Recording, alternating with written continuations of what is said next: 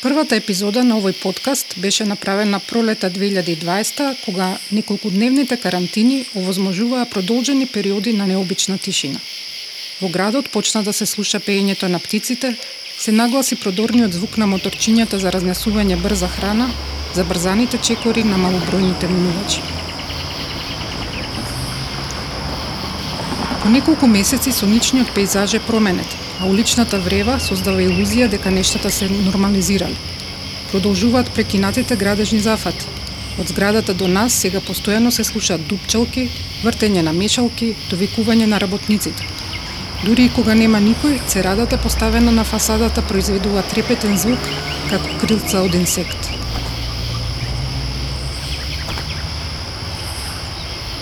Работата на аудио подкаст не направи посвесни за звуците околу нас и како тие влијаат врз начинот на кој што размислуваме и раскажуваме.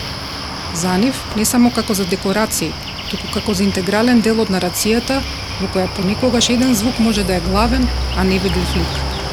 За неговата поврзаност со несвесното на текстот, кое подземно клокоти и бучи, но кое често не успеваме да го слушаме.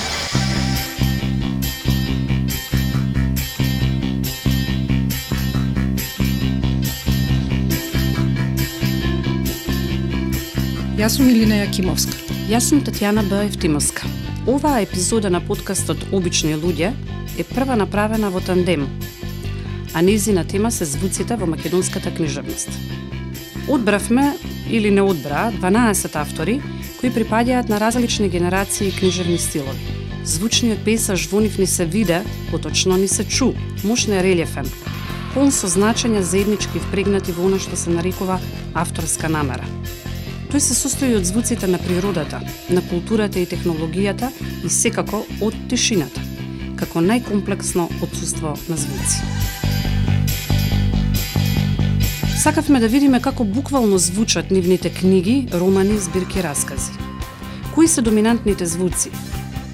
Дали низ нив може да се следи некаква сонична историја на звуците со кои живееле овие автори и кои можеби несвесно ги вградувале во своите книги? Како инспирација ни послужи книгата Врева во американската книжевност 1890-1985 од швајцарскиот автор Филип Швајкхаузер.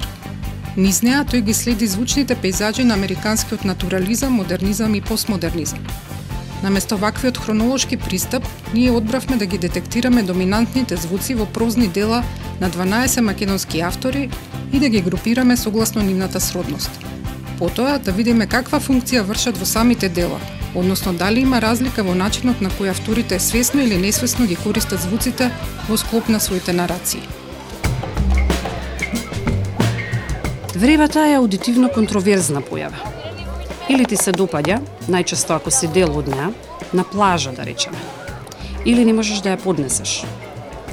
Редко предизвикува рамнодушност кај слушателот, а кај читателот пак ич, Кај авторите што ги читавме, вревата е застапена во повеќе манифестации на незиното основно значење – растење, созревање, нов живот. Кај што има врева, таму животот врие. Романот Улица на Јаневски е билдунгс-роман за момчето Јане Славковиќ, кој според зборовите на оние што најмногу треба да го потикнуваат растењето и самодовербата, професорите во гимназијата, полека од глагол, оглупавува, станува придавка, глупав. За среќа, таквите професори не успеваат во својата намера да смачкаат секаков знак на младешки бунт, зачнување на достоинството кај личноста и нејзина самосвест. Во гимназијата им се случува бунт на постарите средношколци, односно на матурантите. Вревата овде е на љубавиот чин на човечкиот исконски пркос, на прометејскиот порив за таткоубиство, се разбира во символичка смисла – особено пожелен кога тој татко е лажен родител и ектократ.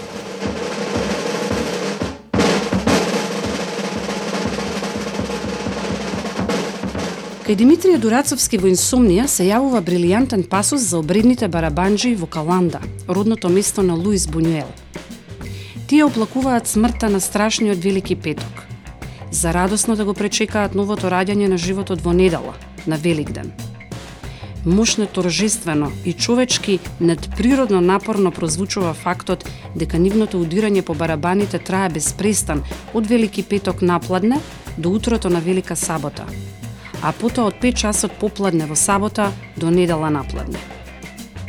Рацата на барабанџиите се ишарани со крвави пликови од удирањето, што дополнително го засилува ефектот на нивното символичко соживување со Божиот син.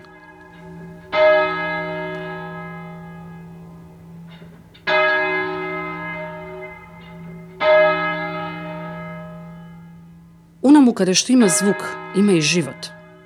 Самиот наслов на романот на Димитар Башевски «Нема смрт додека звони» укажува на важноста на биењето на селската камбана како знак дека во инаку опустеното село се уште има по некој човек.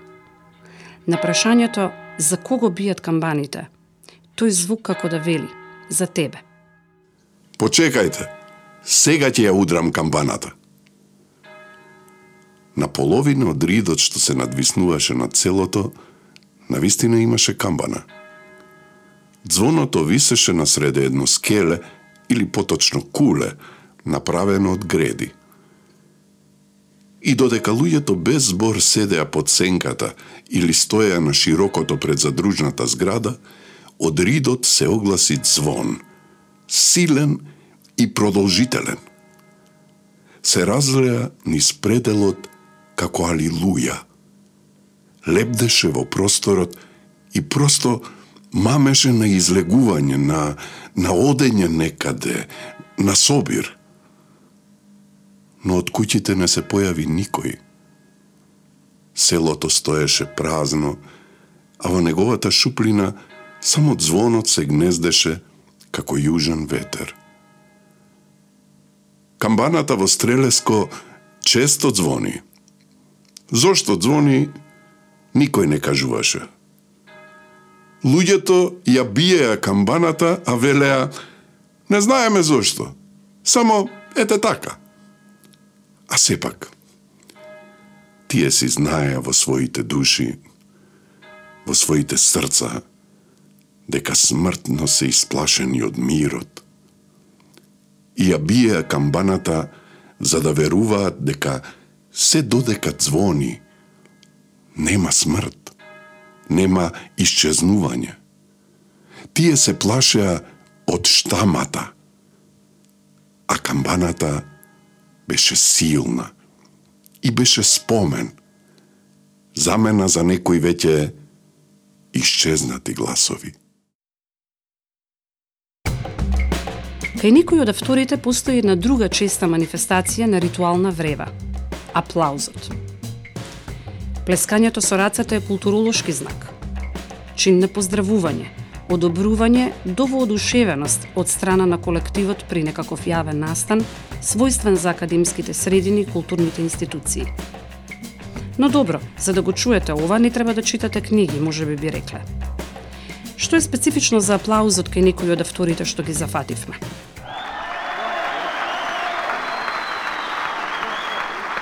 Аплаузот кај Петар Андоновски во тазе романот Лето во кое те нема се случува во еден коктел бар на плажа за време на една забава под маски и е дополнет со скандирање. Маските се земени од култната Алиса во земјата на чудата, а целата атмосфера е благо фантастична манифестација на живот на радост. Маскембалото што од древните времиња на неговото воспоставување представува ослободување на културните стеги, разуздување на јазикот, телото и однесувањето. Андоновски се држи до тоа значење и овде, а фантастичната атмосфера е благо приподигната од интертекстуалното вплетување на Алиса. Аплаузот е природната заднинска врева на целата сцена.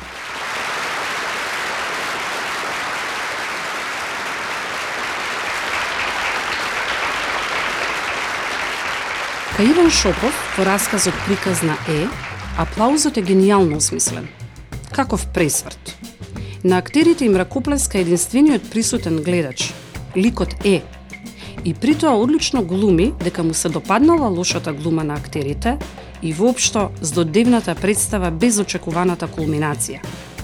Па поради тоа, тие му возвраќаат искрен и силен аплауз од сцената. Аплаузот е ехо, огледален, и истовремено искрен и куртуазен. Токму унаков како што Горан Стефановски го опиша во 32-та конзервирана импресија. Ете, например, вечерва.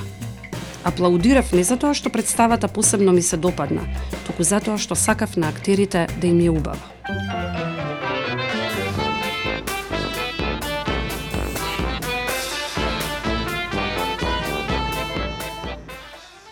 Во еден од најубавите романи посветени на детството што воопшто сум ги читала, аплаузот не е баш аплауз, а карневалската сцена на толпа, профана атмосфера и многу кич, е сместена во циркус. Циркусот е место каде што слонови, жирафи и коњи гледаат како луѓето од себе прават мајмуни, ќе рече Емброуз Бирс во својот ѓаволски речник. Поточна дефиниција – здравје. Циркуската скаредна сцена во Маджун на Влада Урошевиќ содржи неколку нивоа на човечко мајмунисување, како звучна торта.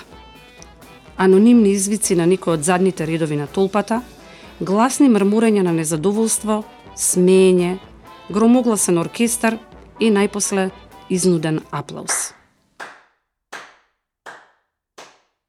Иако звучи така, тишината во книжевноста не се сведува само на отсутство на звук – Кога композиторот Џон Кейдж во 1951 ја посетил најтивката соба на светот, дизајнирана за истражувачки цели на Универзитетот Харвард, тој очекувал токму таква целосна тишина. Наместо тоа, за време на целиот престој, слушал два звука, еден висок и еден низок.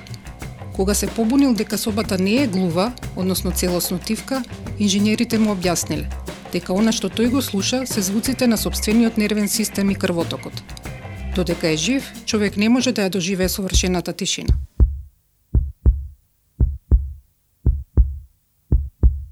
Токму такви се тишините во разгледаните дела, полни со значења, такви што можеш да ги почувствуваш дури материјално, како да ги сечеш со нож. Иако не одам никаде на Румена Божаровска избирка раскази, секој од нив со различни ликови дејства, два звука доминираат низ целата книга. Детското пискање и викање и обидот тоа пискање да се стиши, да се дисциплинира со гласно шшкање. Во расказот Цице, на пример, еден библиотекар на неколку пати се обидува да го смири кенкавото бебе на пријателката, која му доаѓа на посета во универзитетската библиотека. Мама! Гласно и луто викна Ева наеднаш. Се штрекна Јован и го стави прстот на уста – Горе се читалните. Би те однел во депото каде што имаме интересни книги, ама и таму има прашина. Повторно се обиде да ја замолчи Ева, која почна гласно да изразува досада. Незиното тенко гласче ја исполни мрачната аула на библиотеката.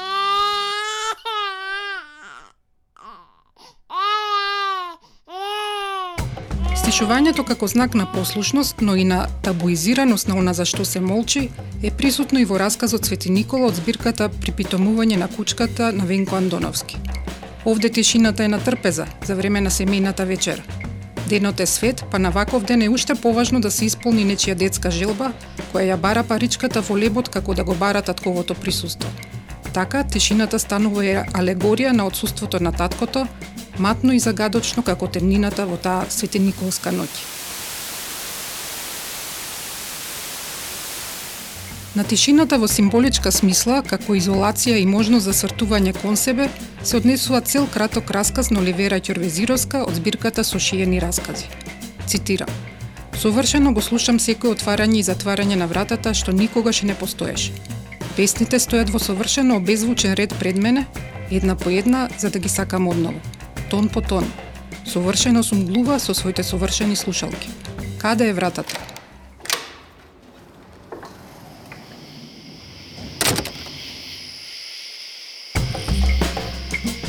Во имитирањето на светот околу себе, книжевното дело неизуставно ја внесува природата, па дури и кога сетингот е првенствено урбан. Звуците на природата се првите што читателското око, уводе, ги фаќа во звучниот спектар.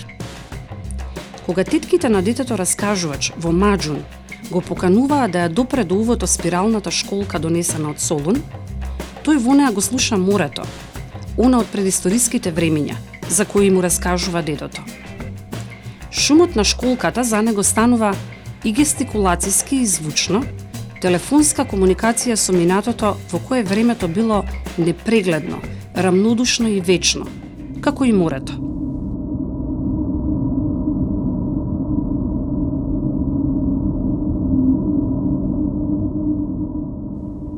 Во вонвременска димензија е пренесена и раскажувачката авторка, намерно по овој редослед, Мами, или Јагода Михајловска Георгиева, во хималајската проза Каменот од твојот ден. Хималаите се вечни и строги како времето, а на едно место постои прекрасна контрапунктивна поставеност на реката Лангтан Кола. Таа е брза, бучна и сета во нескротливо движење.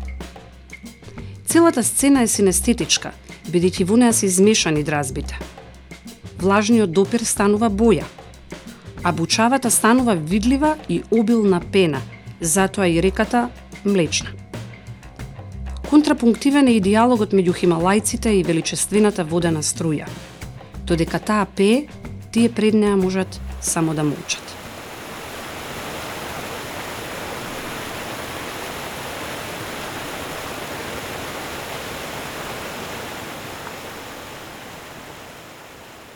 Една од култните сапунски серии на нашето детство се викаше Птиците умираат пејќи, снимена според романот на австралиската писателка Колин Мекалок. Токму за една таква сцена на смрт на Славеот раскажува цимерот од болничката соба на Јане Славковиќ во Руманот Улица на Јаневски. Тој тврди дека луѓето што ја сакаат природата и птиците умеат да разговараат. Додека човекот Дулитл свири на кавал, Славеот му се огласува во муавет и се исповеда во својата песна додека не му пукне малата душичка.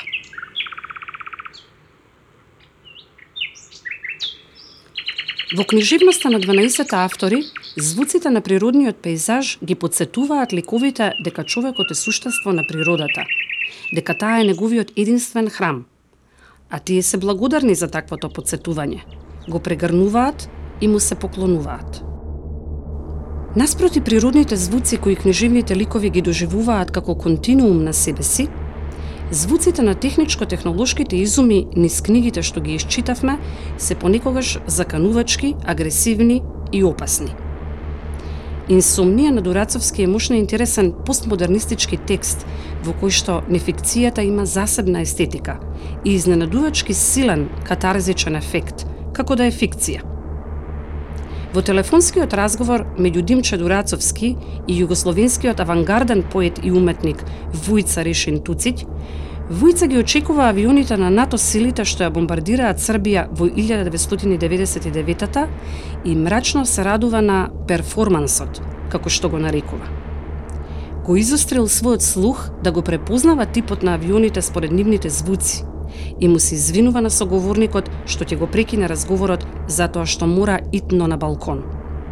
Реалноста е дистопична.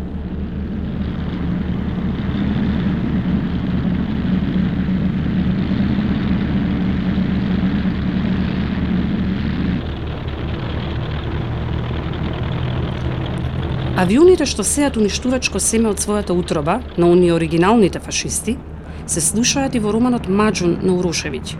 Во една гротесна сцена во која дедото сред дворот на грамофон го пушта Вагнер, не били го спречил смртоносниот дошт. И двете множества звуци се свечени и моќни, уние на смртта и на убавината.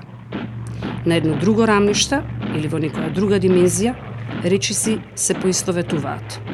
Одеднаш гледам дека дедо ми излегува од домашниот флез го носи со очигледен напор и бревтајки тешкиот грамофон во преграб и додека ние стоиме пред отворениот влез од визбата, вчудовидени и не сваќајќи ништо, тој го положува на средината од дворот. Се наведнува и става врз него една плоча. Ја врти рачката со која се навива пружината. Има еден миг неверојатна тишина. А потоа низ дворот, среде растрчаните кокошки, одекнува громогласно хор. Нибелунзи! Најавува со торжествен глас дедо ми, свртен кон нас. Небото е ведро, Зеленилото е мирно, а хорот ги крева своите гласови како да пречекува некого, некого што е добар, голем и благороден. Авионите не можат да не бомбардираат бидејќи сме заштитени од оваа музика. Јас сваќам дека покрај ваква музика никој не може да прави лоши нешта. Никој не ни може ништо. Одделувајќи се од биењето на барабаните што доаѓа од грамофонот, на небото станува се поприсутно бучењето на авионите. Тоа станува се позаканувачко и сите ги креваме погледите кон небото каде што се уште не може ништо да се види. Одеднаш некој свикува. Еве ги. На грамофонот се слушаат труби. Потоа зазвонуваат тасови. Оркестарот грми. Брзаме во визбата, следени од свечената музика. Сепак, далеко од заканувачки и насилен, постои еден романтично носталгичен звук на машина за пишување во романот „Шрапнал“ на Игор Ангелков. Нема некогашен собственик на таква машина кој што не би се разнежнил над специфичниот остар звук со кој што секоја дирка ја отпечатуваше својата буква врз хартијата и волшебниот звук на крајот од редот – пинг, кој долго одзвонуваше во ушите. Носталгичен, дури и успокојувачки тон, кај некои автори има и вревата, која доаѓа од превозните средства. Рамномерното тропкање, туп, туп, на белите фосфорни плочки на автопатот и штракањето на трепкачот кај Бужаровска. Бучењето на старата застава 100 кец на Плетвар, кај Ќорвезировска. Возот кај Башевски, кој го илустрира контрастот меѓу старото и новото. Возот завиваше и помина преку едно мовче кое го препознав. Се чудев како не се урна тоа мовче, а потоа профучи покрај осамена куќичка. Се слушна еден силен вик. И пак.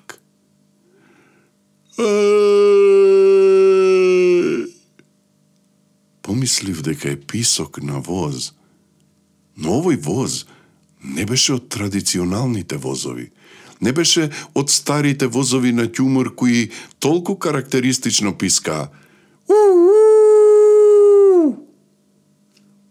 Таквиот писок на воз, ние од Маказар добро го знаевме.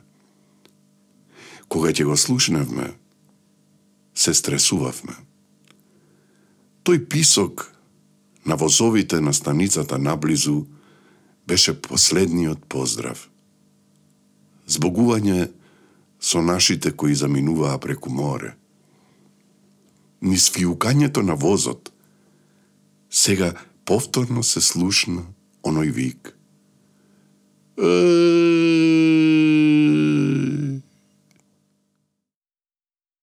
Убедливо најбогата категорија звуци во одбраните македонски прозни дела е онаа со музика. Сите анализирани дела содржат музика, иако некој од нив ечат, а во други таа е само суптилна позадина. Народните кај повозрастните автори, како Бил Бил Пеев планина од Крук на Башевски, асоцираат на детството и на барем замислена селска идила. Спротивно на ова, кажи кажи Либе Стано кај Бужаровска е употребена во гротескна сцена во која партнерот на нараторката, која не може да има дете, ја свири на виолина со насолзени очи пред странски гости.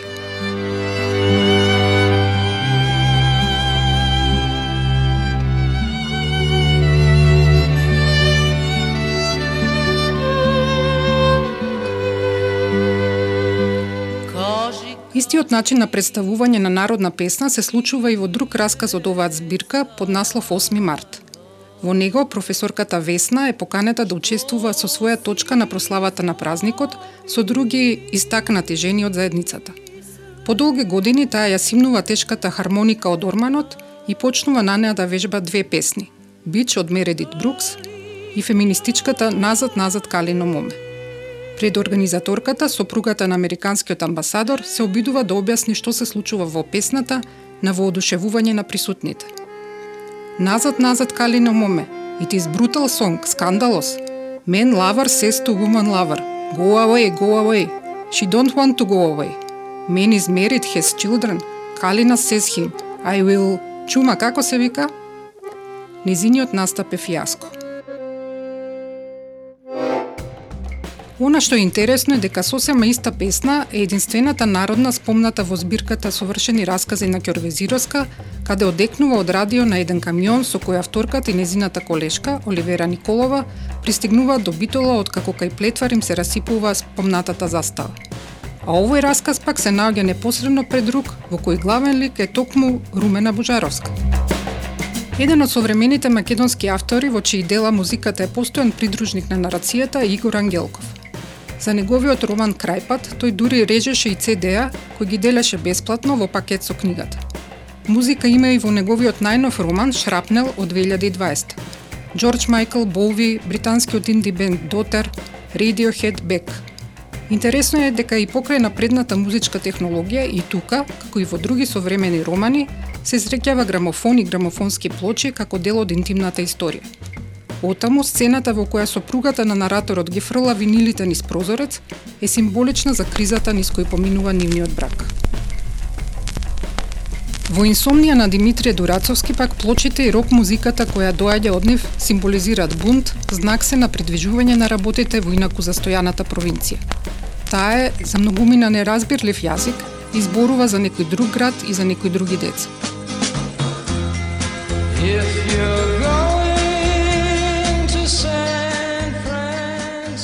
Утредента кај мостот господинот случај. Ненадејна средба со Владимир Тунте, колоритен лик од хипи деновите. Секогаш кога ќе се сетам на тие денови предочи ми е и тој. Помислувам тогаш на Хейт Ешбери, на Емет Гроган, на Тимоти Лири и на Боб Дилан. По цел ден ја слушаме песната Ако дојдеш во Сан Франциско на супрафонот, во книжарницата среде чаршија, а звучникот е изваден надвор. Ечи гласот на Скот Мекензи, кој пее за некоја далечна земја, Калифорнија, за некој град, за некои деца, Ненадејно доаѓа од спротиве од својот дуќен мајсторот Бранко Пинто, кројач за капи и за специјални гаќи за капење со врвца и вели. Доставре со тој Сан Франциско ќе ви го скршам грамофонот од глава. Одете на плажа како сите нормални деца, што сте застанале тука по цел ден не малтретирате со тој Сан Франциско. Испомнувањето на музика од поранешна Југославија има носталгичен ефект и е испреплетена со спомени од младост. Азра Здравко Чолич и Оливера Ќорвезировска во расказот Конфабулација исто така се свирени на грамофон Тоска 10, спротивставени на поновите и македонски ТБ Трачери и Фолти. Слична спротивставеност на музички старото со музички новото, но овој пат со етнички подтекст има кај Елизабета Баковска во романот Пат за Дамаск. Риблја чорба наспроти лепи сол и мизар, последниве како символ на коренот и културниот идентитет, чие слушање го премислуваат главниот лик да ја напушти татковината.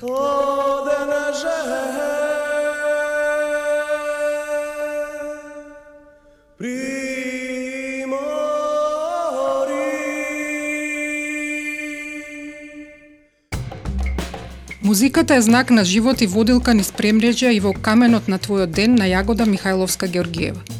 Додека нараторката ги скачува Хималаите, рече си се е надреално, вон искуствено. Но врвот на таа надреалност во која што живее мами е кога во далечината слуша инструмент за кој што не е сигурна дали е халуцинација.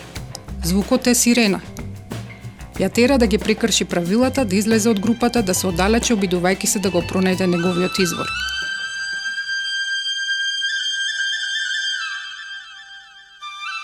Еден од најинтересните раскази во музичка смисла е оној на Ќорвезировска под наслов Аспиратор. Во него, известна доктор Патарова бара стан во Скопје за да специализира гастроентерохепатологија. Конечно го наоѓа, но бргу сваќа зошто имала среќа. Во соседниот стан живее згоден младеж кој дење и ноќе пушта страотно гласна музика која таа не може да ја поднесе. Така музиката всушност се претвара во аудио насилство. Какво ще кажеш да се напием и всички глупави... Стоја Ивана Цеца Аца Лукас. Докторката прво се обидува со молби, потоа купува тампони за уши, но на крај пред да донесе одлука дека сепак ќе мора повторно да се сели, наоѓа спасоносно решение. Го пушта аспираторот на најсилно на тројка. Така една непријатна врева покрива друга, поголема и понепријатна. Хочу кучу да ми купиш, да ме масиш, да ме љубиш. Ако музиката е најчестиот звук кој се среќава во разгледуваните дела, тогаш невербалниот говор и телесните звуци се оние најтивките и најредко спомнуваните. Понекој ццкање во знак на негодување, пскање кое значи се разбира, плескање со дланките врз колената како знак за подготвено за акција. Речи се сите ликови во разгледуваните книги слушат, трпат, уживаат или се сеќаваат на одредени звуци, но ретко самите ги произведуваат. Особено се ретки табуизирани звуци кои асоцираат на физиологија или на секс. Еден редок пример за првото е опис на прдање во шрапнел на Игор Ангелков. Татко ми ретко прдеше пред нас. Но омилена му беше токму приказната поврзана со прдењето на која во ситуација кога е расположен, честопати знаеше да и се наврати. Имено, кога во младоста станувал рано за да се подготви за одење на работа, тој излегувал надвор во полското ВЦ за да ја изврши големата нужда. Е, веднаш зад Кенефот бил кокошарникот на соседот. И кога тој ке се распрадел, кокошките почнувале гласно да кокодакаат. Е, тоа го будело соседот, кој по пижами излегувал на вратата и гледал низ дворот што е тоа што ги вознемирило кокошките, бидејќи имало случаи кога во дворот знаела да намине и ласица, а потоа и да си замине со добар плен во устата. Секако, додека соседот ја испитувал ситуацијата, прдењето за момент било ставено на пауза. Но, штом тој ке се повлечел во куќата, продолжувало гласното испуштање на издувните гасови со уште поголем интензитет. Ако кошките продолжувале да се избезумуваат од кокодакање.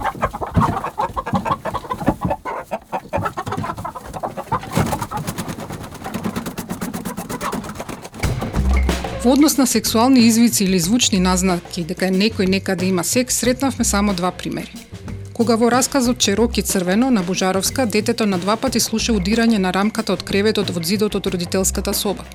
И втор пат, многу поексплицитно, кај Елизабета Баковска, кога повторно сведок на сексуален чин е дете, овој пат самата нараторка која ги гледа, но пред се ги слуша во темнината татка си со макејата.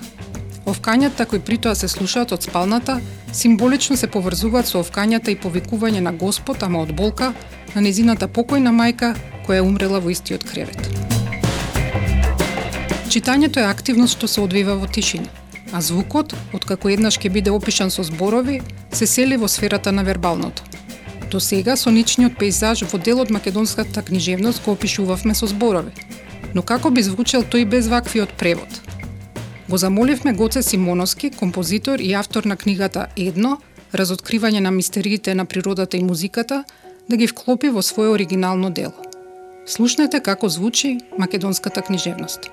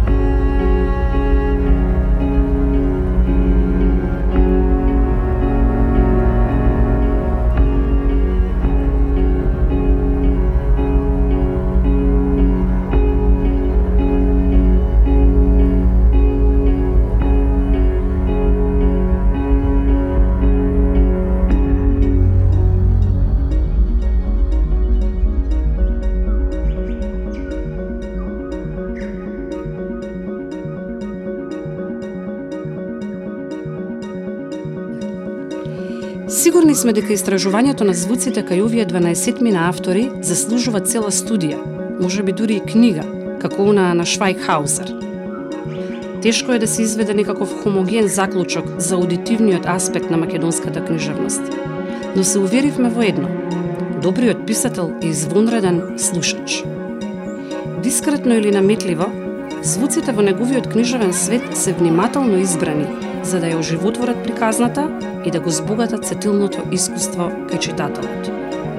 Тоа дефинитивно се случи со нас, додека ја слушавме македонската книжевност. Таа звучи симфониски.